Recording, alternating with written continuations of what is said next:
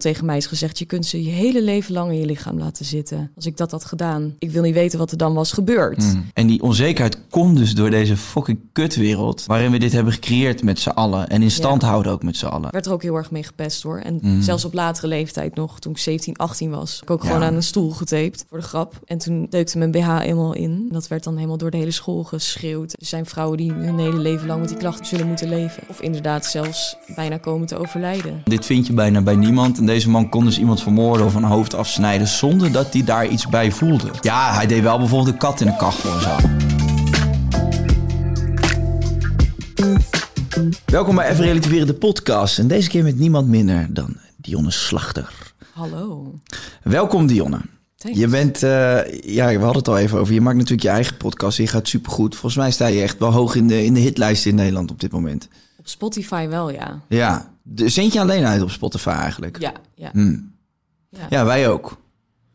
Tra- althans, met deze niet, maar die met geuzen en gorgels wel, volgens Oh, ja. mij.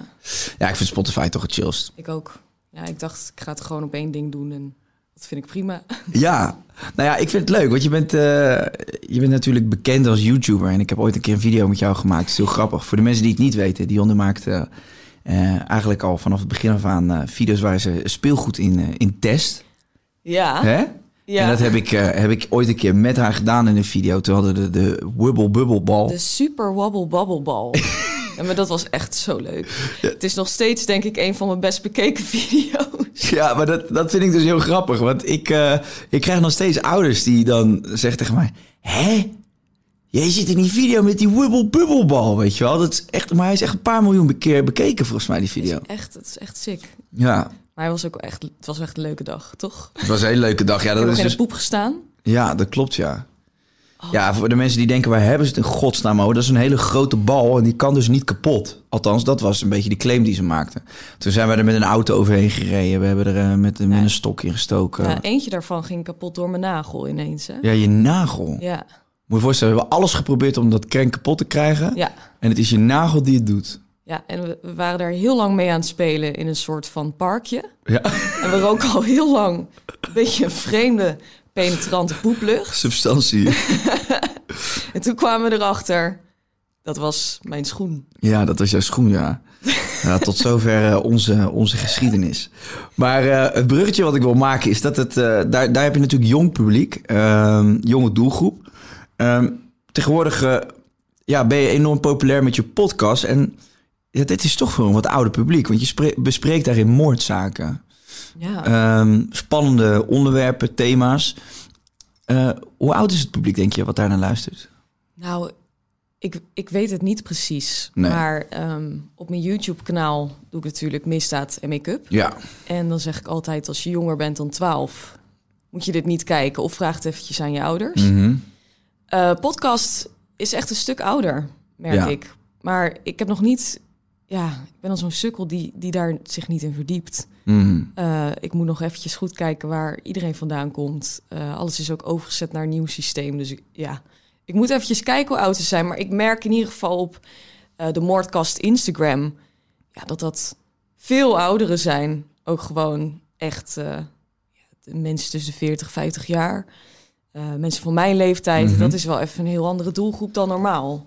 Als je dat ja, bewust... wa- Was het iets waar je bewust naar op zoek was? Of is dat gewoon ja, toevallig gegaan? Nou, ik was eigenlijk voor mezelf op zoek naar iets nieuws. Ja. Eh, iets waar ik de komende tijd ook weer mee vooruit kan. Want speelgoed, ja, weet je, ik heb het superleuk gehad. En dat heb ik jaren kunnen doen. Maar op een gegeven moment hield het een beetje op. En ik dacht, wat nou als ik 40 ben? Mhm. Kan ik dit dan nog steeds doen? Eh, ik ben 31 en ja, ik heb geen idee. Ik, ik wist niet zo goed waar ik naartoe moest met mijn content. Nee. En ik zat al heel lang in mijn hoofd, oh, true crime vind ik super vet. Ja. Waarom ga ik het niet gewoon eens een keertje testen? En eigenlijk werd dat meteen heel goed ontvangen. Maar wat, wat trek je jou aan aan die crime-wereld? en die verhalen en alles daaromheen? Ik weet het niet zo goed. Ik weet wel dat ik die fascinatie al sinds, ja, sinds dat ik er oud genoeg voor ben, die, die is er gewoon. Sinds dat ik na 13 was. Kun je je eerste moment nog herinneren? Of je eerste verhaal of een film of iets wat je keek dat je dacht, holy shit, dit vind ik tof? Ja, dat, dat, dat zijn eigenlijk twee verhalen. Dat was die van John Benet Ramsey. Dat is ook de eerste podcast die we Hmm. hebben gemaakt. Ehm, ja, het was echt zo'n meisje die in hetzelfde jaar geboren was. En op de zesde jaar werd ze dood in haar huis gevonden. En er waren zoveel vage dingen gaande. Mhm. Een hele rare losgeldbrief lag er. Ehm, de ouders werden verdacht of het is een indringer. Eh, het is ook tot op de dag van vandaag niet opgelost. Ik merkte op die leeftijd al van, oh, ik wil dit uitzoeken. Ik Hoe oud was jij toen, toen je van die zaken hoorde? Ik denk 13. Ja. Ja. En, En je eh, vond het niet eng of spannend? Jawel, spannend. Maar dat was Ja. misschien ook juist wat je zo fascineerde eraan. Het- of ik wat vond het het heel indrukwekkend. Ja. En ehm, ik heb niet zo snel dat mijn aandacht, eh, dat, dat, dat mijn aandacht heel snel lang vastgehouden wordt. Maar bij dit had Ik ik dat best. nee, dat is geen probleem. Maar ehm, ja, dat had ik bij dit dus wel. Ik dacht, oh, dit zet me aan tot nadenken. Eh, hier denk ik nog eh, lang over na als ik in bed lig. Ja. En eh, het fascineerde gewoon. En waar dat dan aan ligt, ik weet het niet. Ja. De ene vindt tennis leuk, de ander vindt true crime leuk. Ja, waarom? Ik weet het niet. En blijkbaar zijn er dus heel veel mensen die het interessant vinden. Ja, Wat natuurlijk ook niet als een verrassing komt. Want ik bedoel, heel veel films draaien hierom. En eh, series. En, eh, ja Netflix staat er vol mee natuurlijk, hè, met de documentaires. En, eh, ik ga even mijn... Ik, ik, er is iemand aan het trillen, wacht. wie is dat? Dat is Ze de, wordt gebeld, jongens. Dames en heren. de TVT, wat is dat? Ik weet het niet. TVT? De TVT? Geen idee. Ik zie het straks wel. TVT, nou Ik ja, dan gelijk helemaal bang. Ja, ik wou net zeggen. Het wordt een hele ligubere sfeer wordt het gelijk hier. De TVT heeft gebeld. Misschien hebben ze wel een gouden tip voor een zo'n moordzaak die nog niet is opgelost. Nee, maar dat hele, is, of, het hele Netflix staat natuurlijk vol met dit Ja. soort eh, verhalen. En eh, heb je die film, eh, of die serie The Missing wel eens gezien? Nee, Is Ook, ook krankzinnig. het gaat over... Ja, ik zeg dat de missing, toch? ja, dat de missing is met die ouders dan dat jongetje wat kwijtraakt in Frankrijk. Ja, oh ja, ja, ik heb daar volgens mij één aflevering van gezien. Mm. Maar was het waar gebeurd of was het nagespeeld? Vol, nee, volgens mij was het een mix ja. tussen waar gebeurd en eh, Ja, fictie. bij mij moet het echt, echt docu zijn. Ja, maar dit was wel zo verschrikkelijk realistisch. Dit, dit Ja? kon gewoon wel echt gebeurd zijn. Het was geen, geen fantasy verhaal of zo. Dit, dit kan je gewoon overkomen. En er was, ik heb daarnaar gekeken, vond het zo ongelooflijk creepy, maar zo ja, fascinerend en aangrijpend dat je gewoon... Ik heb dat echt in één ruk uitgekeken. En ehm, Ik ga dus eventjes naar op zoek. Ja, die moet je er eens bij pakken. Ik Ja. denk dat je dat heel tof gaat vinden. Maar je, je- je weet niet, ja, je zou niet kunnen beschrijven wat dat dan is, zeg maar, waarom dat zo trekt bij mensen. Nee. nee, ik heb er wel eens wat over gelezen. Ja. Het schijnt zo te zijn dat dit soort dingen een bepaald soort angst opwekt bij mensen.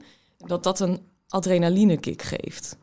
Oh ja. Maar dat is dan een een of andere psychiater die daar onderzoek naar heeft gedaan. Ik zelf heb geen idee. Ehm, ja, het boeit mij heel erg. Maar wat zou je beschrijven, wat ervaar jij dan als je zo'n verhaal leest? Stel, er komt nu een nieuw verhaal van een, eh, van een meisje of jongetje dat vermist is. En je weet, het, je weet dat het gewoon allemaal niet klopt en het spraakmakende zaak is. Wat, wat voel je dan in jezelf als je dat leest? Wat maakt dat aan voor stofje? Ja, ik, ik krijg heel erg de neiging om er alles over op te zoeken. Ja, Ik wil er gewoon helemaal induiken en, en zoveel mogelijk informatie opzoeken. Ik wil het eigenlijk voor mezelf oplossen, wat helemaal niet kan. nee. Maar dat is wel eigenlijk wat je wil op zo'n moment. Je kan er eigenlijk niet zo goed tegen dat, dat er geen ontknoping is. Dat je niet weet wie het heeft gedaan. Dat is met onopgeloste zaken altijd wel een beetje, vind ik heel pittig. Ja, Maar ehm, ja, grotendeels bespreken we in de podcast opgeloste zaken. Maar ik weet niet wat het is. Het is gewoon iets, dan denk ik, oh, dat triggert mij heel erg. En ik wil alles weten. ja. ja. Had je nooit regisseur willen worden? Ik weet niet of ik daar slim genoeg voor was. Nee, ja, Ik hoezo het niet? Nou, weet het niet. Nee, ik heb daar nooit... Ja, die ambitie had ik vroeger, denk ik, dan ook weer niet. Ik was meer met creatieve dingen bezig. Zingen. Ja. Ehm, ja, ik fladderde een beetje in het rond. Daar heb ik eigenlijk nooit over nagedacht. Maar als je het nu zo beschrijft, hè, wat, je, wat je tof eraan vindt, is gewoon je wil het oplossen. Ja, Je bent super nieuwsgierig. ja. Ja, het zijn wel op zich. eh, ja, dat moet een regisseur ook Ja. voelen en denken. En, Ja. eh, dus stel je voor dat je regisseur zou zijn nu. Zou, zou je kunnen voorstellen dat het een tof beroep is? Of, of denk je van nee, ik wil er liever over praten, maar niet te dicht bij de buurt komen? Jawel. Ja? Ja. Ja, ik zie jou wel door zo'n kamer lopen. Met zo'n, eh, pincetje en dan al die haartjes verzamelen. En dan boods, boodschappen van, van die zo'n seriemoordenaar dan achter heeft Nou, gelaten. Proberen te Ik zou, ontrafelen. het, ik zou het heel interessant vinden. Maar volgens mij is dat echt een studie waar je u tegen zegt. Ja, Het duurt echt jaren. ja. Ehm, maar goed, ja, wie weet. Je bent eh, nooit te oud om te leren, geloof ik. Nee, ik zou het wel, eh, ik zou het wel zien. Ik zie het wel gebeuren eigenlijk. Nou, dat ja, jij wie Dion ooit nog een keer regisseur wordt. hey, wat is de meest spraakmakende moordzaak die er ooit geweest is in jouw optiek? Oh, dat vind ik wel echt een hele moeilijke. Mag er ook drie noemen? Drie. Ja, maakt het iets Oh. makkelijker. Oh, dat vind ik wel lastig hoor. Vijf. Of moet je... Nou, weet je, kijk, ik ben juist zo vaak heel ge- geïnteresseerd in die kleinere zaken. Dat mag ook. Dat mag gewoon. Oké, wat, wat is jou het meeste bijgebleven? Nou ja, dit, het, het zijn nooit kleine zaken, maar heel, veel, krijgen, heel veel zaken krijgen superveel aandacht en wordt het groot gemaakt. Ja. Wat mij heel veel indruk... Nou ja, John Benet Ramsey is toch wel eentje die heel veel indruk op mij maakt. Voor, voor de mensen ook, en ik weet hem ook niet helemaal exact. Wat is een beetje in korte lijnen het verhaal van die zaak? Dat is een zesjarig meisje die Ja. eh, met kerst in de ochtend gevonden werd door haar, eh, ja, door haar vader. Of tenminste, nee, ze was vermist. Mhm. Dat is, dat is het begin. Ze werd vermist. De moeder kon er niet vinden. Dan vindt ze een losgeldbrief op de trap. ehm, met een heel vaag verhaal. Met nou ja, wat, wat echt zes kantjes of zo volgeschreven. Of nou in ieder geval drie velletjes of, Mhm. of twee. Ik weet het niet meer zo goed uit mijn hoofd. Het is al een hele tijd geleden dat we deze podcast hebben behandeld. Maar in ieder geval, het was echt een hele lange losgeldbrief. Ja. Ehm, ze hebben ook getest, die brief. Er zou eh, de dader 20 minuten aan moeten hebben gezeten aan die keukentafel. Het was papier uit het eigen huis. Een pen die, die van de ouders was. Ehm ze had ook nog een broertje. Ehm, en ja, dan komt de politie langs. Het hele huis wordt doorzocht en ze kunnen haar niet vinden. Het was ook echt een heel groot huis. En dan vinden ze haar in de kelder. ehm, ja, gewurgd, eh, vermoord. Ehm, ja, het, het is een heel vaag verhaal. Er, er zijn geen braaksporen. Mhm. Er is wel een raampje wat open staat, maar er hangt een spinnenweb van eeuwen oud. En op het moment dat je daar doorheen zou zijn geklommen, dan was het spinnenweb dus gebroken. Ehm, alles wijst eigenlijk naar de ouders. Dat zij iets hebben gefabriceerd of dat er misschien een ongeluk is gebeurd. Ehm, die losgeldbrief, ja, het handschrift komt enorm overeen met het handschrift van de moeder. Als je dat zeg maar ziet, dan denk je, nou, dit kan niet missen. Ehm, ja, eigenlijk alles bij elkaar zou je zeggen, dat kan geen indringer zijn geweest. Ja, en dat weten we dus nog niet. Het was een heel invloedrijke familie. Dat meisje, dat was ehm, echt in die pageant queen, die zat echt in die pageant queen wereld. Mhm. Een soort van Wat is dat? toddlers en tiaras, heb je dat wel eens gezien? Van die kinderen die aan misverkiezingen. Oh ja, ja. Nou, dat ja. was Ja. dat was zo'n meisje. Ehm, ja, heel vaag verhaal. Er is nog een theorie dat haar broertje met een zaklamp haar op haar hoofd zou hebben geslagen. Die zaklamp, er zaten geen vingerafdrukken op. Zelfs niet op de batterijen. Eh, ja, heel vaag verhaal. Dus dat ding is schoongemaakt. Ja. En ehm, ja, dat, dat, eh, die verwonding op, zat een verwonding op haar hoofd. ja. En die, Hoe oud was het broertje?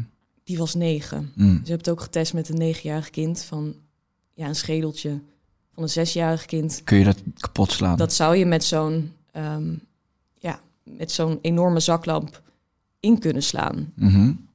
Ja, en dat is eigenlijk een beetje de theorie waar de meeste mensen van uitgaan. En die ouders zijn, hè, stel je voor dat dat klopt, die zijn geschrokken. Die hebben gedacht, oh nee, onze zoon heeft onze dochter vermoord. Paniek, Ja. paniek, paniek. Weet Ja, je straks raak je beide kinderen kwijt. Ja, precies. Ja, en eh, ja, wie weet hebben ze dat proberen te verdoezelen. Kijk, dat, dat is een beetje waaraan je denkt.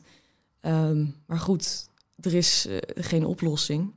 Maar Dus, dit is eh, dus een onopgeloste zaak. Ja, En wat, hè, je, hebt, je hebt onderzoek gedaan naar die zaak. Je hebt je ingelezen. Wat is je gevoel? Wat denk Ja. je? Wat, wat is het meest aannemelijk? ja toch wel het zaklampverhaal, denk ik. Ja.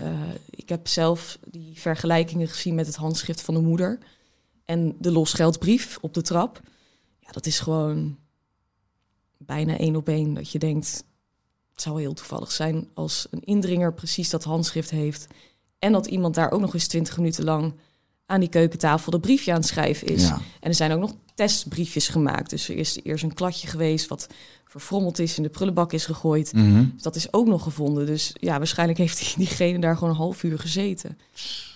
Ja, en dat maakt het ook zo. Als je daarover nadenkt, van wat is er in die uren gebeurd? Of in die, Ja. eh, die minuten, die, die kwartieren. Wat is allemaal gebeurd in die tijd? En wat heeft iemand eh, op dat moment besloten? En dat is, dat is wat ik het fascinerend vind. Van, Ja, Ja, je begaat zo'n daad en dat, dat, is, dat moet al, hè, dat is voor 99% van de wereld al krankzinnig en ondenkbaar om te doen, überhaupt.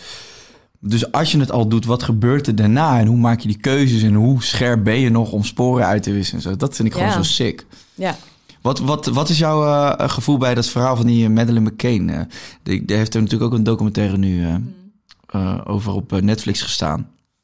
Blijft ook gewoon een wazig verhaal. Toch? Ja. Daar, daar, ik bedoel, daar, daar zijn ook of mensen geholpen om daarmee weg te komen of wat dan ook. Maar ik vind het echt een fucking vaag verhaal nog Ja. steeds. Ik moet zeggen, ik weet vaag van de laatste bevindingen. Ik moet die documentaire nog even goed kijken. Daar moet je ook kijken. Maar er hoor. was iemand opgepakt, toch? Pas geleden? Ik denk een paar jaar geleden. Dat zal nou, wel... volgens mij niet, want het is nog steeds niet opgelost. Oh. Dus als, als iemand zou zijn opgepakt en die zit nog steeds nu vast, dan moeten ze inmiddels wel wat bewijs hebben. maar volgens mij is dat niet zo. Maar dat vond ik ook zo gestoord, jongen. Dat die, die foto's van haar dan in de jaren erop. eh, Dan dacht ze weer dat ze gevonden was. En dan Ja. was ze weer ergens in een Ja, ander land ja, ver weg gevonden. En dan zag je een meisje met dezelfde moedervlek. Dat is natuurlijk een heel typerend oog, hè, met dat vlekje erin. Ja, ja, Ja, dat, je weet dat het gaat nooit weg. Dus de- de- je zou er eigenlijk altijd kunnen herkennen. Want dat kun je niet ver- ver- verbloemen met een... Ja, kijk, als je een, een moedervlek op je hand hebt... dan kan je er nog handschoenen overheen doen. Maar dat zit in je gezicht, in je ogen. ik denk eerlijk gezegd dat ze... Ja, Dat ze niet meer leeft. nee, die, dat, Nee, dat denk ik ook niet. Nee. Ik dacht dat, er, dat ze best wel dicht bij een oplossing waren. Maar dat is het dus...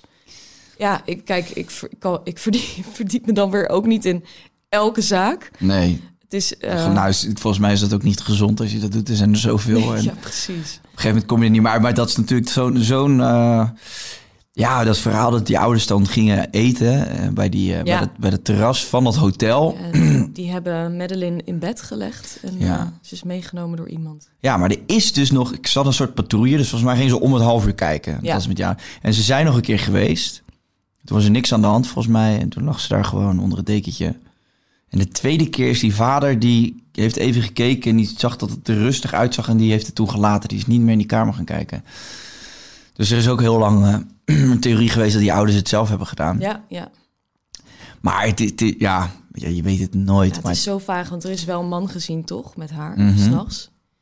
Ja, er zijn meerdere dingen gezien. En er was toen ook die journalist die zich er heel erg mee bemoeide. Die Ja.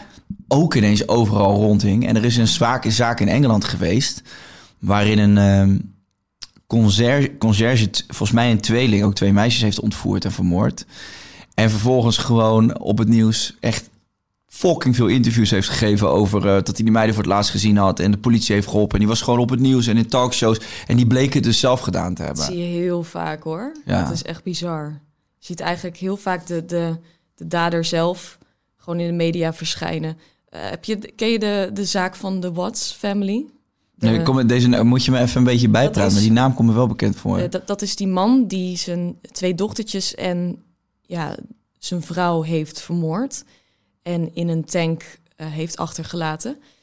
Maar- is, dat, is dat niet het wat, wat ook op Netflix staat van Ja. My Neighbor? eh, of my, ik eh, weet niet of het...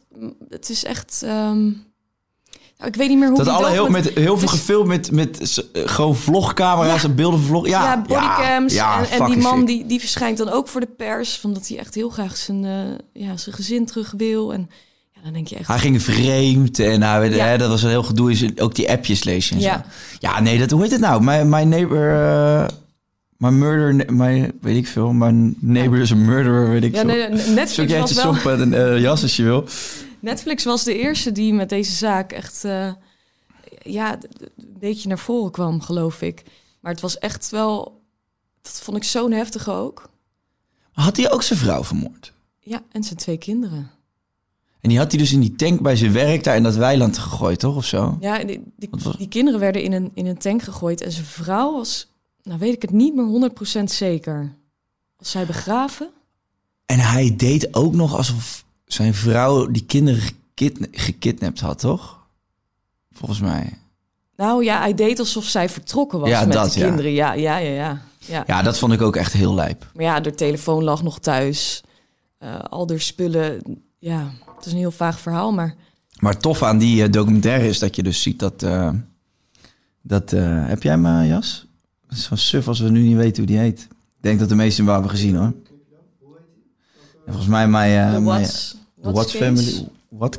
What? De ATT, W-A-T-T-S. Double T. What? The Watts Prophets. The Watts Family. Ja. Ja. Of heet hij gewoon zo? The Watts Family Murder. Murderer. Murderer. Dat is een docu op Netflix, toch? Ja. Maar je Eh, ziet dat die... American Murder heet het. The Family Next Door. Oh ja, ja Oh, die. American Murder. Murderer. Family Next Door. Ja, oké, nou goed. Misschien dat je hem al gezien hebt. En anders, ja, de moeite waard als je, als je van dat soort dingen houdt. Maar ik vond het zo lijp, want die eh, beelden van die politieagent die dan binnenkomt met die, eh, met die bodycam. Ja. En dat je hem dus een soort van ziet. In het begin denk je nog, oh, die man is gewoon in- van slag. Maar later ga je, gaat die, die documentaire zeggen, nou, eigenlijk moeten we het helemaal niet zeggen. We hebben het nu al verklapt. Ja. Nee, het, het- is gewoon zo bizar wat voor rol hij aanneemt vanaf het begin. Ja, En dat vol weet, eigenlijk best wel lang vol weet te houden. Hè? ja, Ja, ik, eh, ik vind het zo bizar. Je, je eigen twee dochtertjes. mm, En wat ik ook zo heftig vond, zij hebben superveel gevlogd ja. en gefilmd. Het was echt een beetje zo'n moeder die alles op social media plaatst. Zij was ook niet helemaal eh, op een goede plek volgens mij, die moeder. Die had best wel wat issues, dacht ik. Ja, nou ja, onder andere met in de relatie. Ja. Dat zat gewoon, de huwelijk zat natuurlijk totaal niet goed. Nee. Ehm, ja, ik weet het niet. Eh, maar goed, het is wel. eh, ik vond het gewoon heel triest Ja. om dat te zien allemaal. Dat, dat, dat heb je natuurlijk met die oude zaak helemaal niet. Mm.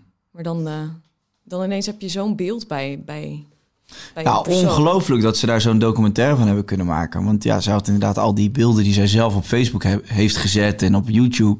Die hebben zij gewoon gebruikt in die documentaire. Het is bijna alsof het, gewoon, alsof het gewoon gescript is. Ja, het is Alsof- bijna een film. Ja, Ja, A Ja, dat- Z zie je bijna alles. Ja. ja, ongelooflijk, ja.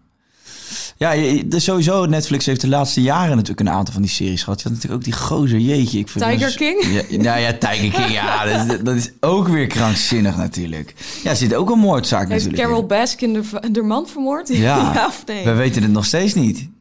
Ik vind het, dat vond ik wel een... eh, zo. Maar hoe, hoe vind je dit soort mensen ook? Ja, ik Dat- vond het lijpste die ene gozer die ook de hele tijd aan het praten is, die zo doorgerookt is. Die heeft natuurlijk, die was al twaalf jaar bezig met die documentaire of zo. Wow, echt? Ja joh, die heeft, die, of, of misschien wel langer. Die was al 15 jaar bij die man aan het filmen. Nou, dat ging waarschijnlijk nog wel goed. Op het Nou ja, hij, heeft al, nou ja, hij heeft al die beelden ook. eh, want hij had natuurlijk beelden van, van 15 jaar daarvoor of zo. Ja, daarom zie je die hele tijdlijn ook. Er was zo fucking veel materiaal. Je kon ze echt gewoon volgen voor, eh, voor een jaar of vijf. Ja, maar het had misschien een heel andere... ehm, hoe noem je dat? Het was, ze hadden waarschijnlijk een heel andere intentie, ja. documentaire. Het werd natuurlijk ineens een, een zaak. Ja, ja de, precies. Dus omdat je zo lang meeloopt, ja. Ja. dat, was, dat was niet normaal wat daar Nee, gebeurde. Ook dat, nou ja, dat been wat dan wordt afgebeten. Fucking hell. Holy en, shit. en dat ze toch daar weer gaat werken daarna. Of dat Ja. de arm of de hand of zo was het. Ja, was het de, de, ja, de arm? Volgens mij was het de hand. Volgens mij had ze een stuk vlees door dat hek gedouwd het of was zo. wel echt... Er moest wel wat geamputeerd worden. Ja, er zat alleen nog maar zo'n eh, zo'n stompje had dat ze. was echt heftig. Ik vond het, die hele serie vond ik zo'n fucking mindfuck. Wat ergens vond ik ook, had ik een enorme pleurenzekel aan hem. Ook gewoon, omdat ik het zielig vond voor die dieren vooral. Ja. Ik, ik, ik Ja, hou ik gewoon van, van dieren en ik, Ja. tijgers en hokken. Heb ik echt een pleurenzekel aan. Ik ga ook niet meer naar een dierentuin. Ik vind, eh, daar, ja, daar kom ik gewoon niet. Maar ik vond het ook intrigerend en ik vond het ook, ik had ook medelijden met hem. Want die, ik zag die mannen ook gewoon een soort struggle en, en, en natuurlijk gewoon, maar, en, en ik ging bij Vlaag ook helemaal stuk gewoon. Ja, nou ja, ik het gewoon fucking funny was. hetzelfde. Ik dacht echt, is dit echt? Bestaan deze mensen en allemaal in één gebied? Weet je wel? Ja, Ehm, Wauw, ik vond het echt... Ja, ik vond het, ik vond het echt een groot freakshow. het was echt één grote freakshow. Niet normaal. En dan nog, dan, de, eh, had- daarvoor had je nog een documentaire over die eh, murderer. Making a Murderer. Making a Murderer. Ja, zo, dat vond ik ook een heftige. Ja, Want als je, ja, ik heb er uiteindelijk iets meer over gelezen. En dan wees alles wel weer naar hem. Ehm, hoe heet hij ook alweer? ja, dat weet ik ook niet meer. Ja, het is een beetje zo. Fuck. We zitten hier ook als twee corkies een beetje. Ja, hoe heet het? Dat was Ja. Heb je dat gezien, die ene serie? Ja, ik weet even niet hoe het heet. Sorry voor de mensen. Maar ik denk dat de meeste mensen wel weten waar we het over hebben. Maar goed, lang verhaal kort. Er zijn op Netflix een hoop, eh, hoop van dit soort series gemaakt. En eh, ja, het succes eh, spreekt voor zich. En ik vind het een toffe, toffe invalshoek. Ik vind het ook voor, voor podcast. eh, ik vind het wel vernieuwend. Ja, Zeker hier in Nederland, weet je. Je hebt wel gewoon een... hele andere manier van podcast eh, bedrijven. Hey, je hebt er altijd eh, met je camera gewerkt. Eh, YouTube is natuurlijk, ja, dat, dat is camerawerk. Hoe vind je het om, om nu alleen met audio te werken? Nou ja, ik doe natuurlijk ook mijn, de verhalen die ik vertel in mijn podcast. Hmm. Vertel ik ook tijdens misdaad en make-up. Dus het is echt een, ja, de podcast zou een beetje een verlengde van. worden. Ja. Ehm, maar ja, de podcast die groeide ineens als een gek. Ja. Ehm, ja, ik vind het helemaal niet zo raar, eigenlijk. Het is eigenlijk ook wel fijn, want je kunt je notities erbij houden. Je kunt precies vertellen hoe het zit. Eh, ja, het, is wel wat simpel. Tenminste, ik vind het wat simpeler. ja. En er is enorm veel vraag naar een podcast. Nou ja, ja, dat wist ik dus eigenlijk helemaal niet. Het is echt een beetje als een grapje. Of, nou, niet echt als een grapje begonnen, maar niet echt als iets heel serieus. Ik dacht gewoon van, oh, ik heb een leuke naam. Ehm, ik ga, het ging me vooral om de YouTube-serie. Dat ik iets anders op YouTube ging doen. Maar ja, als ik die verhalen toch al uitschrijf... kan ik net zo goed het opnieuw vertellen in een Mhm. podcast. Toen kwam mijn broer ineens van... nou, hey, heb- zoek je nog iemand die, eh, die even een, eh, een andere kijker op kan geven? En ik zeg, nou ja, laten we het eens een keertje voor de, voor de fun proberen. Ja. Nou, die eerste twee afleveringen die klinken ook helemaal niet. Want ik had nog geen goede microfoon voor mijn broer. Nee.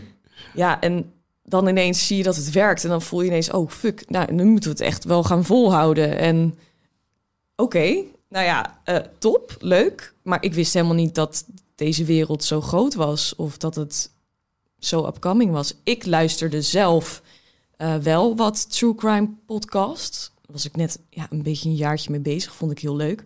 Maar ik had nou niet zoiets van, nou, dat ga ik ook doen. Het was gewoon meer dat ik denk, oh, nou, laat het eens proberen. Ja. Dus het was niet eens heel serieus. Maar ja, het is, tuurlijk is het anders. Ehm, ja, het is wat relaxter. Je kunt er gewoon lekker zo lekker onderuit gezakt bij zitten, want niemand ziet je. Ja, bij jou wel. Maar eh, Nou ja, als je nee, ja ik, maar ik heb meer luisteraars op Spotify dan op, op, op YouTube. Voor mij was dit ook gewoon een gedeelte van... Ja, ik neem het toch op. Laat ik het opnemen. Dan heb ik op YouTube ook content. Ja, Sommige precies. mensen vinden het wel echt leuk om met beeld te kijken. Want dan hoor ik weer van... Ja, eh, waarom is Geus en Gorgel zonder beeld? Terwijl ja, die, daar hebben we heel bewust voor gekozen... om het echt alleen op Spotify te doen. ja, Maar hier heb- maak ik... Maar de meeste luisteraars van mij zitten op Spotify. Er zijn heel veel mensen die dit luisteren... maar ons er helemaal niet bij zien. ja, En ehm, ja, ja, ik, kijk, wij komen natuurlijk wel uit dat, dat YouTube-wereldje is heel erg hapsnap. En het moet snel zijn, schreeuwende titels. Mensen hebben korte spanningsboog, veel geluid, bla bla bla. ja. En dit is het tegenovergestelde. Ik vond het wel wennen met de edit. Ja, Ehm, snap ik. ik haal nog steeds alle utjes en aatjes en alle twijfeltjes. Alles haal ik eruit. Ik kan er namelijk... Ik kan het gewoon niet aan dat dat, dat, dat dan ergens online staat. Nee? Het moet gewoon van A tot Z een heel duidelijk vlot verhaal zijn. Echt? Ja, en dat is op zich ook wel wat... in ieder geval bij Moordkast wel werkt. Hmm. Ehm, het is niet te vlot. We houden er wel rust in. Ik vind het gewoon heel irritant om tijdens dat verhaal... ja, een, een mijmering te horen of een eh of wat dan ook. Je wil gewoon dat vloeiend verloopt. Ja, Ja, dus ik knip dat er allemaal uit. Dat is echt typisch veel werk. dat is heel veel werk, ja. Ja, Wat grappig. Dat ik, ja, dat, ja, dat weet ik eigenlijk Ja. niet. Maar ja, dat doe je op YouTube, doe je dat inderdaad vaak wel. ja. Dan moet het allemaal vlot zijn. Ik ben er ook net zo lang mee bezig als mijn video's eigenlijk. En eh, is je broer iemand die eh, vanuit zichzelf vaak eh of ah of mm zegt? ja, wij allebei wel. Ja. Ja, ja. Hoe lang ben je daarmee bezig met dat geknip? Nou, ik denk drie uurtjes. Valt er wel mee. Per podcast. Ja, mijn, video, weet je, mijn video ben ik wel veel langer mee bezig, maar dat wordt al, dat heb ik, daar heb ik iemand voor ingehuurd die dat opknipt en de Ja. rest doe ik zelf.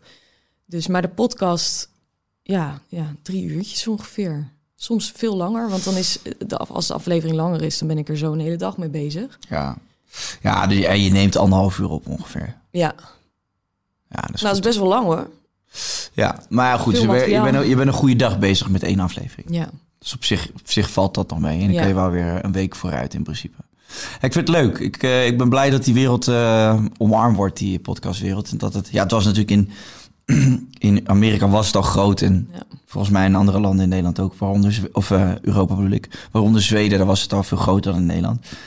Maar ja, veel mensen luisteren tijdens het wandelen of tijdens het koken. En het is een manier om even toch ergens geprikkeld te worden. Maar je hoeft niet altijd naar een scherm te kijken. En dat is eh, volgens mij wel goed. Hey, je, je podcast heet De Moordkast. Je hebt ehm, dit jaar eh, ook een documentaire uitgebracht. eh Moord Tieten. Ja, Ja, ik, ehm, toen ik ervan hoorde dat jij die documentaire zou uitbrengen, toen had ik precies de week daarvoor een eh, meisje gesproken op Ibiza die exact hetzelfde had meegemaakt. Of exact, weet niet of exact dezelfde problemen het waren, maar eh, siliconenborsten die waren gaan lekken ook. En eh, zij is daar heel, heel erg ziek van geworden. Ja. Bijna aan overleden. En toen kwam daarna kwam dat nieuws dat jij die documentaire uitbracht. En toen dacht ik, holy shit, dit is echt... en Zij zei ook al, dit is zoveel groter. Alleen dit, dit komt eigenlijk gewoon nog niet echt aan het licht. Hoe kan het dat dit, dit zo ingrijpend is en zo heftig is... maar dat dit toch blijkbaar ja, nog niet de aandacht heeft gekregen die het dan verdient?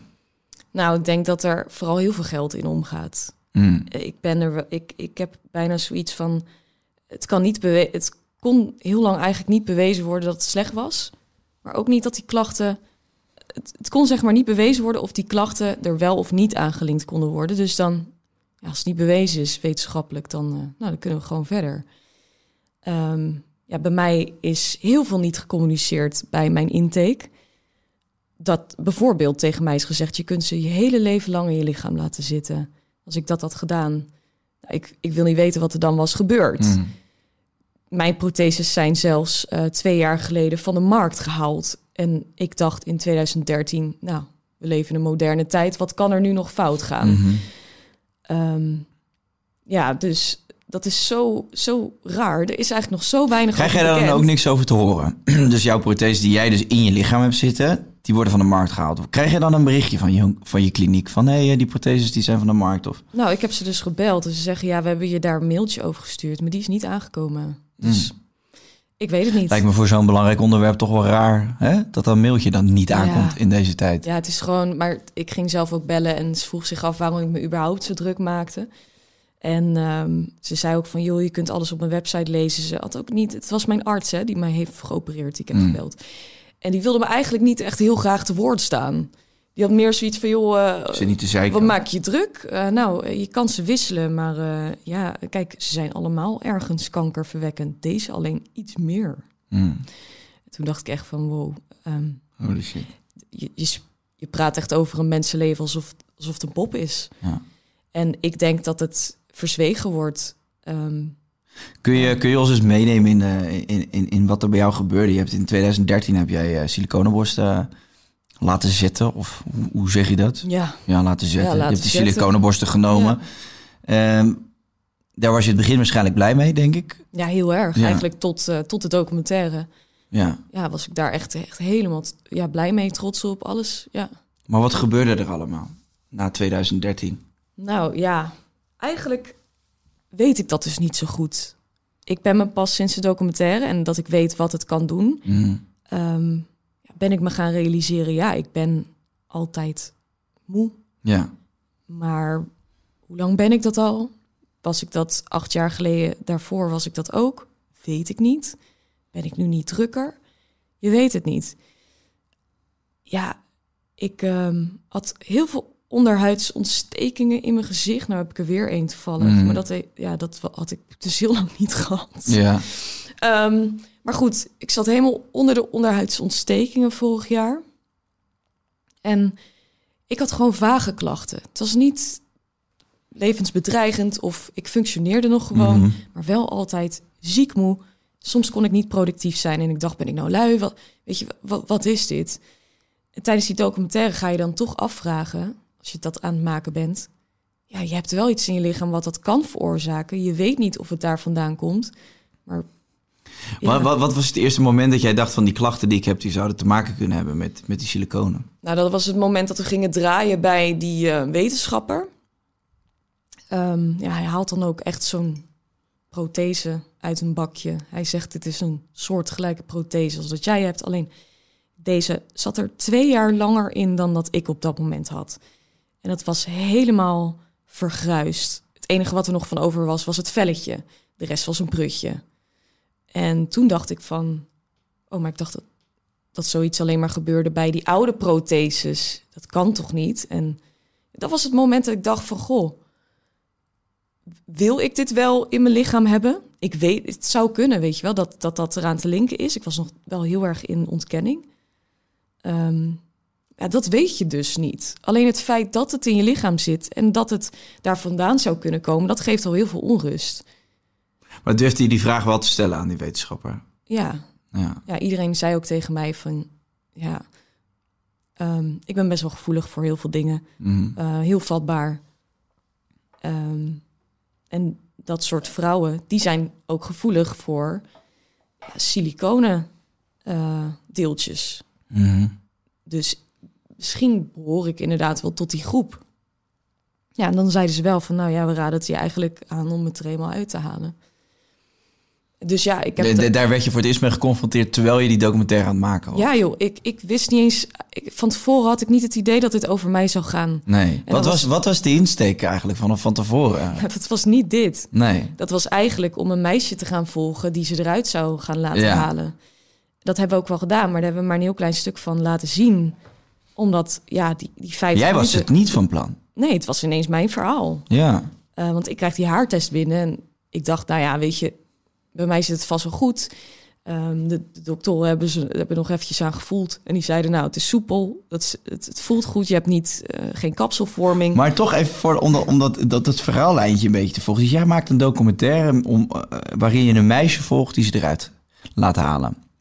Ehm, op dat moment heb jij nog geen idee dat dat hè, over jou zou kunnen gaan. Je weet wel, je hebt zelf ook implantaten. ja, Eh, ja maar daarom je, ben ik ook wel gevraagd hoor. Het, is Ja. wel, het zou wel een beetje een zoektocht zijn, Hmm. maar niet dit. je had nog geen spijt op dat moment van je Nee joh, nee, ik dacht alleen maar van, oh, ik maak me geen zorgen hoor. Want dit is niet mijn, dit, dit- in mijn geval is alles Ja. goed. En je had, je had onderliggende klachten, maar waar je wist nog niet waar die vandaan kwamen. Nee, Dus je had die link nog nooit gelegd. Vervolgens begin je dus met die documentaire. Je gaat spreken met een, eh, met een wetenschapper. En, en dan, dan begint er iets in je hoofd, toch? Want Ja. dan ontstaat er twijfel. ja. En ja, Ja, en ongeacht die klachten er wel of niet aan te linken zijn. Het is Mm. gewoon het feit dat zoiets in je lichaam zit en dat dat, ja, dat dat, ehm, dus dat zo'n silicoon dus helemaal kan vergaan. Dat dat op een gegeven moment door je lichaam gewoon helemaal door je lichaam zit. En als dat gebeurt, dan ben je heel ver van huis. Wordt dat bij een intakegesprek goed gecommuniceerd? Als jij teruggaat naar 2013. Totaal niet. Want hoe gaat zo'n gesprek? Jij komt daar binnen. Jij zegt, nou, ik, ben, eh, ik, ik wil grotere borsten, omdat ik dat mooi vind. Of ik ben onzeker over mijn- de huidige eh, vorm of maat van mijn borsten. Ik wil siliconen. Dan staat zo'n dokter daar. En die, die, die hè, eerlijk zijn, die wil dat ook aan jou verkopen. Zeker. Waar, waar wordt er dan ook gezegd, denk er goed over na, want dit zijn de risico's? Nee. Nee, ja. Alleen de risico's van een operatie. Ja. Maar niet de risico's van houd er rekening mee. Je zit elke tien jaar aan een operatie vast. Nee, deze mensen zeiden tegen mij: eh, joh, je kunt ze je hele leven lang in je lichaam laten zitten. Want dit is echt. Nou, deze dingen, dat is het nieuwste van het nieuwste wat jij in je lichaam gaat krijgen. Het is top. Dit is, dit is het. Eh, dus geen zorgen. Weet je wel, die zijn gewoon veilig. Het kan nergens naartoe. Hier, knip het eventjes open. En dan knijpen ze erin en dan zie je, oké, ja, dat blijft op zijn plek. Maar ja, in een vochtige omgeving, in een Maar lichaam even, met dus cellen. hoe knippen ze dat? Dus je hebt die siliconen en die knippen ze dan open. Ja, ze van, nou ja, zie je, het kan nergens heen, want het zit vast. Het is geen lekkende vloeistof. Mm. Maar het is natuurlijk iets anders als het in een, in een warm lichaam zit. Ja, Waar vocht is, cellen ja, die eraan knabbelen. ja, ja, tuurlijk. Ja, en dat, dat vertellen ze er eventjes niet bij. Sterker nog, ja, je hele, lichaam, je, je hele leven kun je ze in je lichaam laten zitten. En dat neem, ja, neem ik ze tot op de dag van vandaag heel erg kwalijk. Want dat hadden ze nooit mogen zeggen. Maar oké, voor mij als een leek, als ik hier naar luister, dan is mijn vraag: waarom wordt het überhaupt toegestaan dat dit mag? Ja, dat vraag ik me dus ook af. En dat klinkt heel hypocriet, want ik heb een wissel gedaan.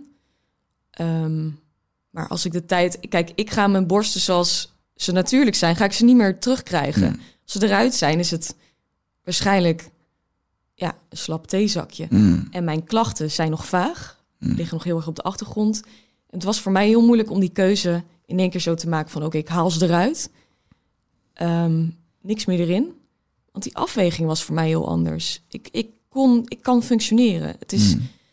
En dan, dan die onzekerheid kwam weer heel erg naar boven van vroeger. Dat ik denk van ja, stel je voor dat ik ze niet meer heb. Hoe zou ik me dan voelen? En dan voelde ik weer echt best wel... Ik kreeg echt buikpijn van. Mm. Ik dacht dat daar moet ik op dit moment ook niet aan denken. Dus ik heb een soort tussenstap genomen van deze gaan er in ieder geval uit. Zoutwaterprotheses erin. dit is dan even een overbrugging tot het punt dat ik er wel klaar voor ben. Als je, ehm, als je gewoon, hè, ik snap dat de onzekerheid meespeelt, ehm, maar als je die, stel je voor dat je die opzij zou kunnen zetten, zou je ze dan liever in je hebben of uit? je? Eruit, Ja, ja zeker. ja, dus, ja dus, maar dat is, dat is natuurlijk al een, al een hele interessante vraag. Ja, dat klinkt heel raar, Ja, weet niet je omdat wat- ik hem stel, Weet je maar wat erg is? Als ik nu foto's van mezelf terugzie, van toen ik twintig was, dan Mhm. denk ik, jeetje, het zag, zag er top uit. ja, Ja, ze Ja. waren klein, maar ze zagen er wel mooi uit. ja, Ja, dat krijg ik niet meer terug. nee. Dus ja, achteraf gezien had ik op dit moment graag tegen mezelf gezegd, doe het niet. Hm. Maar ja, ja, Maar onzekerheid is, een, is natuurlijk altijd wordt, ja, is iets wat extern gestimuleerd wordt. Dus het is eigenlijk de onzekerheid naar, naar buiten toe van hoe zie ik er dan uit en wat vinden andere mensen daarvan. ja, ja, ja, ik heb daar heel veel last van Ja. gehad, ja. ja. Terwijl je eigenlijk nu iets in je lichaam hebt waar je gewoon niet blij mee bent en waar je niet helemaal achter staat. Nee, maar ik ben me nu wel bewust van. Hm. En ik hou mezelf heel goed in de gaten. Ik heb mezelf ook voorgenomen, ik ga jaarlijks even die haartest doen. Ja, want die Ehm. haartest, wat, wat komt er uit de haartest? Ja, hoeveel siliconen deeltjes er in je lichaam zwerven. Want dat komt dan terug in je haar. Ja, dat is te zien in platinumgehalte in je haar. Dat, kunnen ze, dat is een soort marker daarvoor. Ja, Dat kunnen ze dus eh, opsporen. Ja, bij mij zat er, eh, was er heel, een hoge hoeveelheid gevonden. En als jij een wissel doet, dan gaat het even weer beter. Ehm, die van mij kwamen er trouwens intact uit. Alleen, ja, dat zijn gewoon molecuultjes die loslaten, waar je lichaam op kan reageren. Ja, en dat, ja, met die wissel heb je weer een soort van reset. Dus dan gaat het waarschijnlijk weer eventjes goed. Maar misschien over een paar jaar dat ze, ja, dat die buiten. Oh, zo sorry, Mike. Ehm, die buitenlaag van die prothese, die gaat ook weer, ehm, ja, die gaat ook weer afgeven ja. en soort van loslaten. Dus het, het zou kunnen dat, dat dan alles weer een beetje, ja, van vooraf aan begint. oké. Dan moet ik de keuze maken van, oké, dan maar niks. Ja, Ja, maar daar krijg je op dit moment nog buikpijn van. Ja, Bij dan maar niks. ja, maar ik kan me er wel beter op instellen. Ja. Want toen had ik ook nog protheses in mijn lichaam die kankerverwekkend waren. Of die lymfklierkanker. eh, een ho- hoog risico daarop geven. Dat wilde ik ook niet. Dus ik wilde in ieder geval dit. Dat ik denk, oké, heb ik eventjes, kan ik eventjes ademhalen? Ja. Voor nu is het oké. maar ik, hou, ik heb het altijd wel in mijn achterhoofd dat ik denk... Ja, dat, dat, je moet je erop instellen dat dit je laatste wissel is. Je gaat, hem niet, je gaat niet nog een keertje protheses erin laten zetten. Nee. Dat heb ik mezelf wel echt voorgenomen. Ja.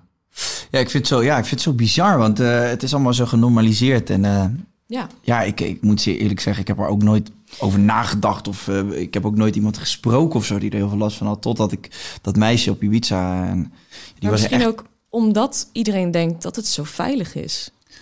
Nou ja, als ik dan luister naar hoe zo'n intakegesprek gaat, hoe jij dat uitlegt. Nou ja, Ja. ze hebben mij echt een beetje over de streep getrokken hoor. Het was echt zo dat van, nou ja, Waanzinnig. je, je ontwikkeling. eh, je hebt, wat, wat zeiden ze nou? Wat, wat waren hun letterlijke woorden? Ja, je borsten zijn onderontwikkeld. Ehm, ja, daar kunnen we natuurlijk wel wat aan doen.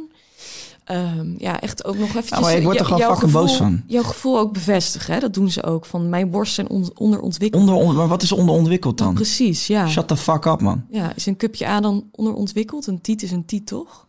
Op Ja. basis van, van wat de commercie ons heeft aangepraat, Ja, is het onderontwikkeld omdat alles fucking eh, keer, keer 20 moet. Groot, opgeblazen. Het Maar- is wat een zieke, cosmetische, ja. rare wereld leven wij toch in. Waarin we alles, dingen in stand proberen te houden die totaal niet realistisch zijn. En die eh, mensen alleen maar ongelukkig maken. Want dat is Ja. wat, daarom, daarom vond ik die vraag bij jou... eh, dat doet op zich wel wat met mij. Want ik hoor je eigenlijk zeggen... Ja, het liefst heb ik ze er gewoon uit, omdat ik er niet meer achter sta. Maar de onzekerheid voor hoe mijn borsten eruit zien... op het moment dat ik ze Ja. eruit heb... is voor mij groter op dit moment. En die onzekerheid komt dus door deze fucking kutwereld... waarin we dit hebben gecreëerd met z'n allen. En in stand Ja. houden ook met z'n allen. En dat is toch eigenlijk te gestoord voor worden. Ja, dat is het ook zeker. Ja, ja het is ook... Weet je wel, ik, ik heb ook helemaal niet zoiets van... ik ga de rest eh, ook aan mezelf verbouwen. Het echt Nee. puur, puur alleen mijn borsten. Dat is echt sinds, nou, ik denk, mijn twaalfde een obsessie geweest. Ja. En eh, ja, dat is iets wat steeds dieper ging zitten. Ik werd er ook heel erg mee gepest hoor. En Mhm. zelfs op latere leeftijd nog, toen ik 17, 18 was, op de mbo. Werd ik ook Ja. gewoon aan een stoel getaped, Hmm. voor de grap.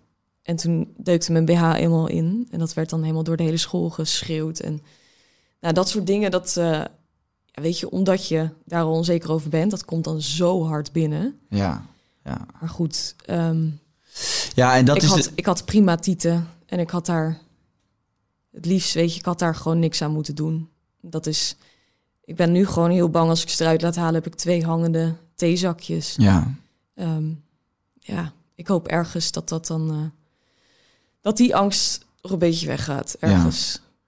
Maar, eh, ja, het is wel een beetje zo cliché om te zeggen. Maar wat zou je dan tegen een meisje zeggen van een jaar of 18 tot 6, zeg 23, die nu voor de keuze staat om, eh, om dit te doen? Ook eh, met diezelfde onzekerheid kampt Ik- als jij. Dus het is, je, Ja. je begrijpt, je kunt je inleven. Misschien wordt diegene ook wel gepest. Ja, wat, wat zou dan nu het advies zijn wat jij kan geven? Ik zou nooit meer adviseren om siliconen te nemen, nooit. Ehm, ja, zeker omdat je elke tien jaar ook aan een operatie vastzit. Daar houden mensen geen rekening mee. Als je dat niet doet, ja, dan gaat het alleen maar meer lekken. Hmm. Wordt het steeds ongezonder. En daarbij, het is, het is, ja, het is niet nodig. Het is totaal niet nodig. Ehm, en weet je wel, ik, ik, kan die onzekerheid niet wegnemen. Want ik denk dat niemand dat op dat moment bij mij kon. Nee. Daar had ik eh, op een andere manier, denk ik, aan moeten werken. Mhm. Maar ik was ook zo gelukkig toen het gebeurd was. Dat is echt niet met een pen te beschrijven. En ehm, ja, dus in zekere zin heeft het mij ook echt wel iets gebracht en opgeleverd. Alleen, het is, ze maken toch wel misbruik van jouw situatie en je onzekerheid. Maar ik, ik, ik snap dat het je wat oplevert. En ik snap ook dat je er heel gelukkig van wordt op dat moment. Maar dat komt omdat je je Ja. jezelf altijd minder voelt dan dat je, bent. En dat je wordt je voelt dat je iets mist. Ja, Ja, en dat wordt je aangeluld. Dus als dat wegvalt, ja, tuurlijk, dat, dat maakt blijdschap los en je wordt eufor- euforisch en je denkt, yes, ik hoor erbij. Maar ja, dat je dat gevoel überhaupt hebt, daar zit natuurlijk al Ja. het probleem. Dat gaat drie stappen terug al. Ja, dan moet je En- nagaan. Dan praat ik over 2002, 2003. Hè? Dat, Ja, En- man. Ja. ik denk dat het in deze tijd nog even een stukje erger is.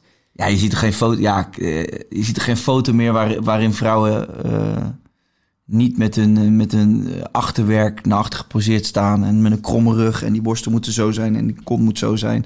En daar inderdaad in onze tijd, of onze tijd klinkt wel heel oud nu, maar was het inderdaad gewoon films en tijdschriften. Maar nu zie je het de hele fucking dag op Instagram. Zo moet je eruit zien, zo moet je Ja. eruit zien.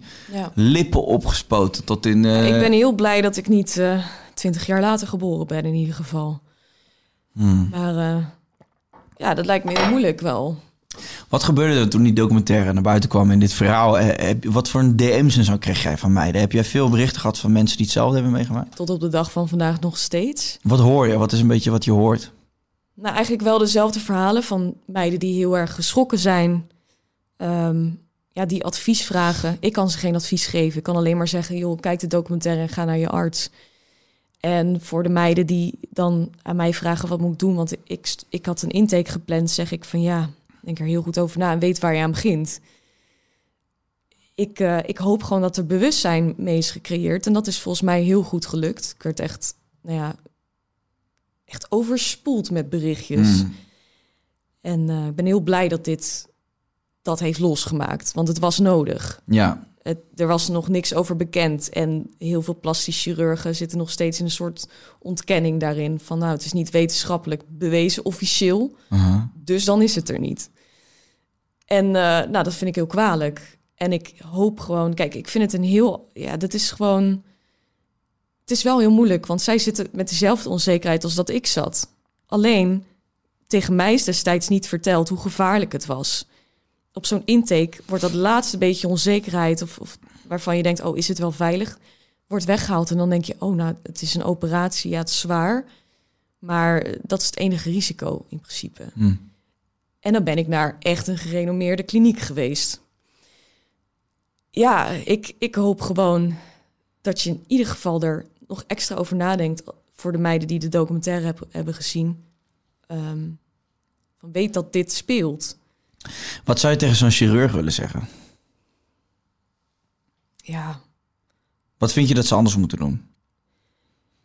ik vind dat, eh, ja, ik vind, het, ik, ik vind sowieso bij zo'n intake dat alles op tafel moet komen. Dus weet waarvoor je kiest, selecten. En als je daar gevoelig voor bent, kun je daar klachten van krijgen. Ehm, ja, wees je daar bewust van. En je zit elke tien jaar in een operatie vast. Denk erover na. Want als je klachten krijgt, moeten ze eruit. Dan krijg je ook weer niet je, ja, altijd je oude borsten terug zoals ze waren. Mhm. Dat je weet gewoon wat, wat de keerzijde is. Dat moet erbij vermeld worden. Is het ook nog, je moet er volgens mij ook rekening mee houden dat is je, hè, als je het op jonge leeftijd doet en je hebt nog geen kinderen en je wordt daarna nog zwanger, dat het ook weer allemaal op andere plekken gaat zitten. nou toch? ja, het, ik zou op dit moment met deze borsten misschien niet zo snel... Ja, ik ben best wel bang om daarover na te denken. Van, ja, dat kan dus ook. Die siliconenpartikels, die gaan ook naar de foetus. Mm, Dus dat is wel een ding. ja.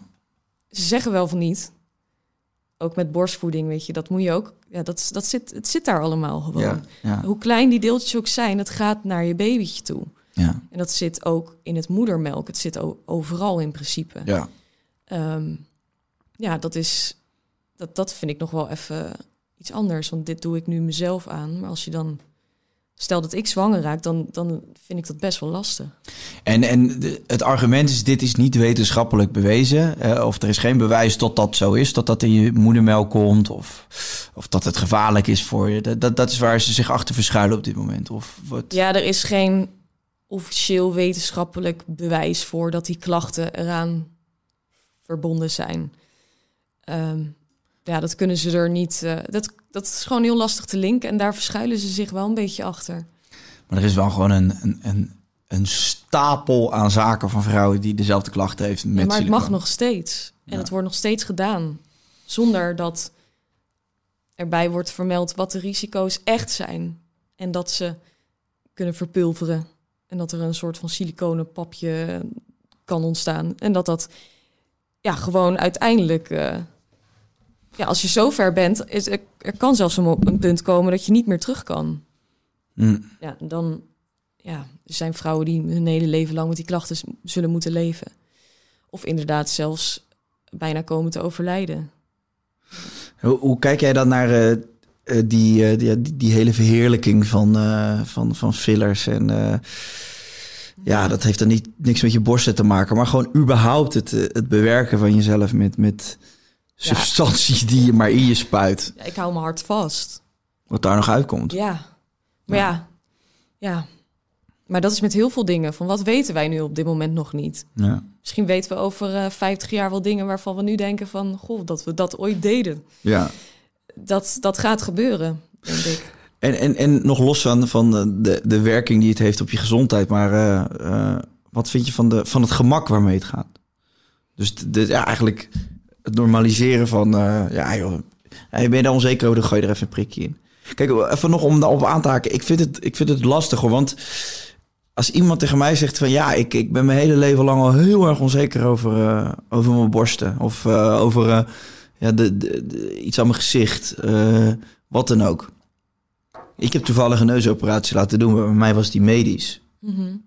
Die stond mijn rechter neusschot stond gewoon, die blokkeerde mijn neusgat. Ja, Maar toen was ik bij die neusarts. Toen zag ik een boekje met allerlei verschillende neuzen. kon je En- gewoon kiezen. Nee, nee, maar gewoon met operaties, zeg maar. Dus Oh. me- mensen, hè, bij één zat er een haak in. En weet je wel, en dan, en dan zag ik ook eh, die mensen daarna, die hadden een nieuwe neus, hoe blij ze waren. Weet je, dus het is ook heel, eh, het is ook heel eh, makkelijk om te zeggen, ah, dat moet je niet doen. En, Vind ik ook. Ik, ik snap Ja. ook dat het, dat het je misschien je leven echt mooier en leuker kan maken. Alleen ja, ik, ik vind het ergens wel erg dat, dat, dat dan dat nu ook gewoon normaal is dat je op je 18e verjaardag, als je gewoon een super jonge meid bent, dat je er dan even een spuitje in laat rachen. Ja, nou, dat vind ik ook. Ja, dat vind ik wel heftig. Maar het, ja, het, het, wordt, het wordt normaal. Het is hetzelfde als schoonheidsbehandeling. Weet je wel? Eventjes eh, je huid pielen, een maskertje. Ja, dat wordt tegenwoordig gewoon... eh, ja, het is tegenwoordig een prikje. Ja. Eh, ja, ik vind, het, ik vind het niet zo heel nice. Nee. Nee, ik hou er ik, ik hou niet van, van beeld dat, dat, dat het zo makkelijk maar moet gaan en dat je van alles aan jezelf moet veranderen. Iedereen gaat op een gegeven moment ook op elkaar lijken. Ja. Heb ik het idee. Nou ja, je Dus- hebt volgens mij, je hebt, je had, ik, ik heb toen een keer een documentaire over zitten kijken. Toen had je een kliniek, volgens mij zoals hier in Nederland. Ja, die 16-jarige meisjes ook behandelde, hè? Nou ja, dat weet, qua leeftijd weet ik niet, maar die hadden dus de, volgens mij de, de, de Courtney of Chloe, Chloe of die andere van de Kardashians. Ja. De, een van die eh, Kardashians, de look daarvan. Dus dat pakketje wat zij had genomen, kaaklijntje, zo kinnetje, neusje, wenkbrauwen, ogen liften. Dat pakketje kon je dan nemen. En dan kreeg je haar look. dat was gewoon een soort samengestelde cocktail van de Kardashians. heel raar.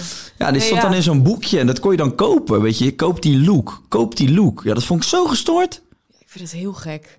Ja, ik, ik vind juist rimpels, expressie gewoon mooi bij mensen. Ehm, ja.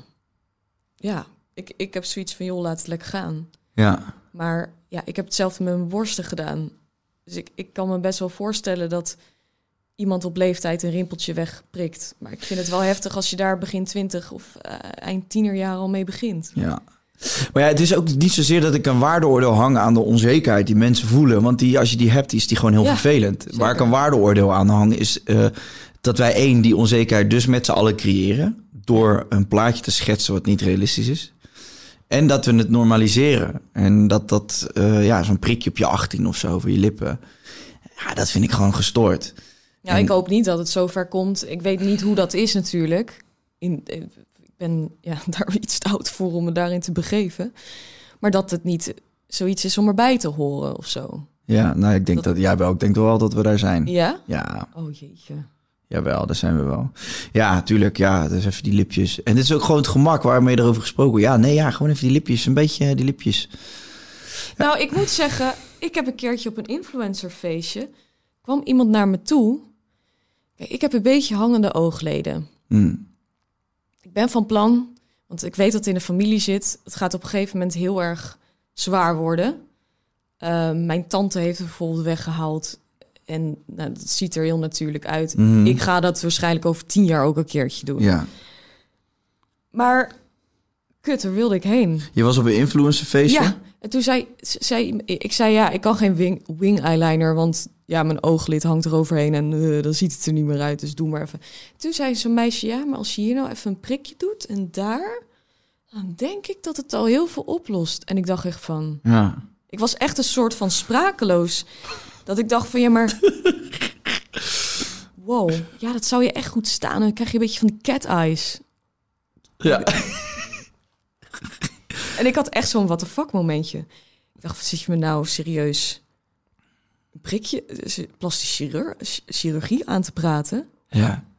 Ja, ik vond het heel heftig. Een paar jaar geleden was dat. Ja, ja dat, maar dat geeft dus aan dat dat gewoon, eh, no- zeg maar tien jaar geleden zou het asociaal zijn als je dat tegen iemand zegt. Van, hé, Kijk, weet je wat jij eens moet doen? Ik, ook wel. Ik, denk, ik heb denk ik best wel onder een steen gelegen hoor, wat dat betreft. Ja, maar dat iemand het zonder gêne tegen je zegt, zegt betekent dus dat die persoon er helemaal geen weet van heeft dat dat eigenlijk heel raar is om te zeggen. Ja. Ja, nou ja, dat, dat. Ik vond het een beetje gek. Maar het is ook in, in mijn vaste omgeving hoor. Dus het is ook helemaal niet alsof ik eh, de, van. Nee. Oh, zijn allemaal- ik ken echt mensen heel dicht bij me staan die dit ook doen. Ik ook, ja. Dus, eh, maar dat, daarom zie ik zie het gewoon van dichtbij.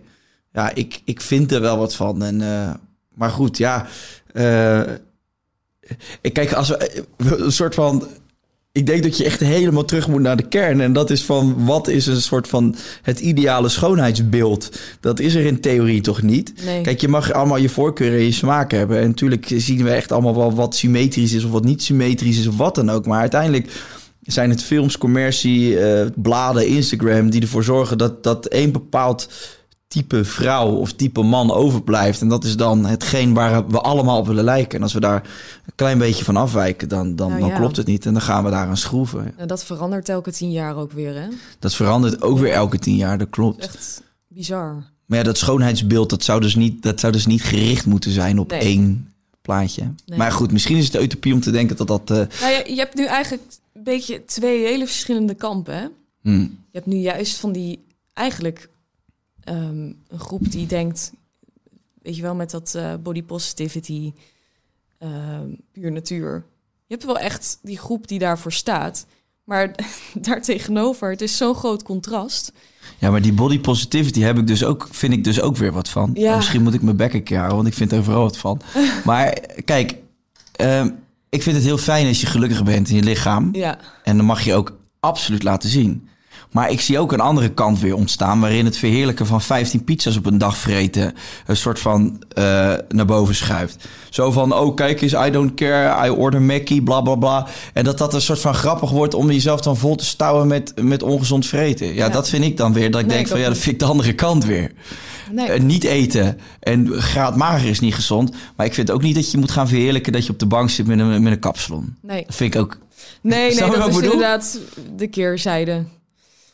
Ja, ik snap heel goed wat je bedoelt. Ah, weet je, uiteindelijk heb ik zoiets van... joh, doe allemaal gewoon, maar gewoon waar je gelukkig van wordt. En eh, ik vind alleen, ik hoop, ik hoop gewoon hè, op basis van jouw vooral, eh, verhaal bedoel ik... eh, dat, nou, dat je wel, dat je wel meiden in dit geval wakker maakt. En daarop attendeert dat, dat, dat, ja, dat je er spijt van kunt krijgen... dat er gevaren aan verbonden zitten. En eh, dat je er toch gewoon eens goed over na moet denken. ja. ja, ik hoop ook wel dat het nog iets eh, verder gaat. Weet je wel, dat het echt verplicht is om bij een intake te vermelden. Of dat, ja, het, het is gewoon troep. Ja, Ja, meer heb ik eigenlijk ook niet over te zeggen. oké. het, nou, is dat... gewoon, het is gewoon rotzooi. Ja, ik heb het zelf nog steeds. Maar ik weet het ook. Hmm, En ehm, ja, weet gewoon waar je aan begint. Dat is het. ja, En dat hebben we gelukkig bereikt. En eh, ik hoop dat het, we het nog op een of andere manier een vervolg kunnen geven. Ja. Nou ja, ik, ik denk dat het heel goed is dat je die documentaire hebt gemaakt. En voor de, voor de, voor de mensen die hem nog niet gezien hebben, hij staat volgens mij op Videoland, toch? Of is het- Eh, nee, op NPO. hij staat op NPO. Ja. Dus als we, hem, NPO Start. als we hem willen terugkijken, dan gaan we gewoon nog naar uitzendinggemist.nl. Ja, NPO Start kan ook. Oh, nou, die vind- app. Ja. Oké. Want ik, ik probeer wel eens iets terug te vinden op NPO. En dat is niet altijd even makkelijk. Maar deze is gewoon nog te vinden. Ja. Oké. Dus eh, ehm, ja, kijk er vooral naar. En eh, heb je verder, want we zitten, we hebben een mooie uur volgeluld. Heb je verder nog iets waarvan je zegt, eh, dat wil ik nog, dat komt er nog aan, daar wil ik de mensen op attenderen, daar moeten ze naar kijken. Wil je nog iets delen met ons? Ja, ja, wanneer komt dit online? Zo, dat is een gewetensvraag. Nee, dat vind ik lastig. Nou, oké, zeg wat je, ik kan het erop aanpassen. Oké, nee, maar het maakt niet uit hoor. Want aankomende maandag komt, zondag komt dit uit. Oh, aankomende zondag. En dat- dan, dan, is, dan heeft hij sowieso nog niet Oké, uitgezonden. nee. Nou ja, ik, ik krijg mijn eigen True Crime serie op Discovery Plus. Hey, Super vet, toch? dat is fucking vet. Ja, vanaf 10 december. Elke vrijdag komt er een aflevering.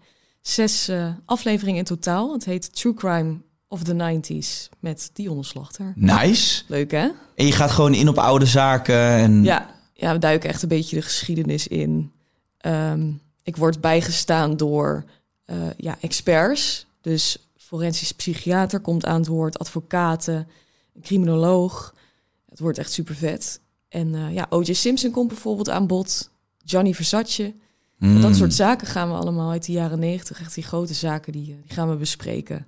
Wat vet dit. Ja, wordt heel tof in beeld gebracht. Heel Ja. tof.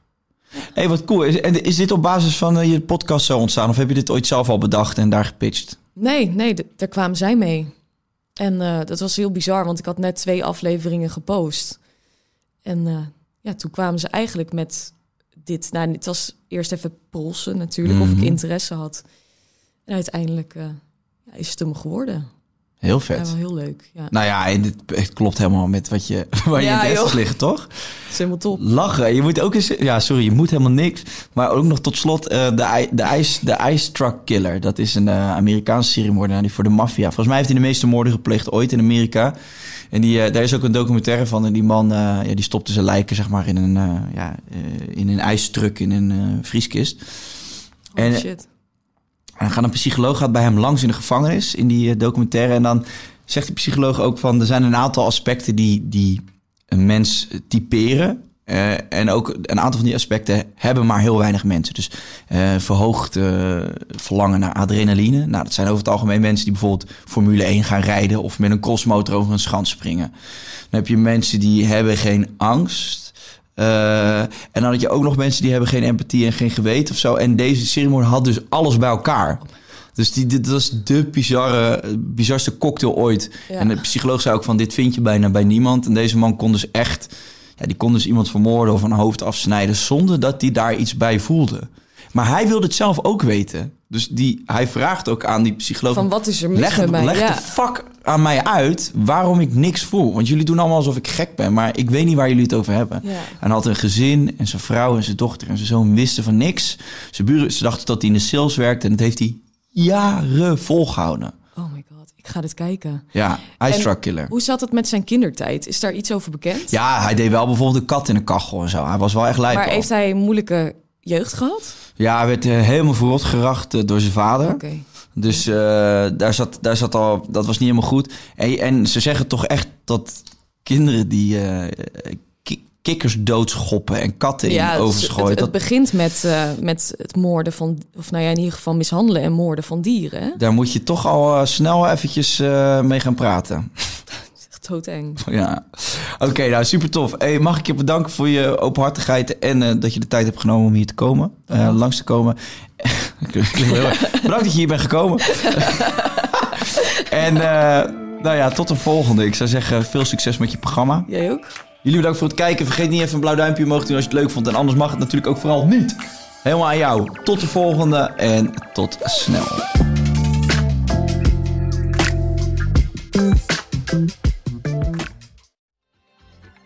Weet je waar ik zo'n tyfushekel aan heb? Toeristen, als het te druk is in de stad, zelf koken. Ja, alles wat je nu zojuist benoemt. En daarom maken jij, denk Daan Hogevorst, En Robert Rodenburg. een podcast waarin we alleen maar klagen. Want klagen is HET medicijn tegen het collectieve leed wat maandag heet. Dus elke maandagochtend een nieuwe te horen op je favoriete podcast-app. Maandag Klaagdag! Jezus, zingen moeten wij nooit doen. Als je toch de tijd neemt om een podcast te luisteren, dan kan het maar beter je favoriete podcast zijn. En elke maandag in je favoriete podcast-app. Snapt iemand nu dat de podcast ook echt je favoriete podcast heet... en dat het gemaakt wordt door Stefan de Vries, Julia Heetman en Sean Demmers? Waarom praat je over jezelf in de derde persoon? Waarom, waarom, er staat hier Sean Demmers en Julia Heetman. Waarom moet jij nou weer voor mij? Dat ging per ongeluk, Sean. Ja, dat ging per ongeluk. Ja, jezus. Steve, jij moet nog nee zeggen. Oh, nee. Je,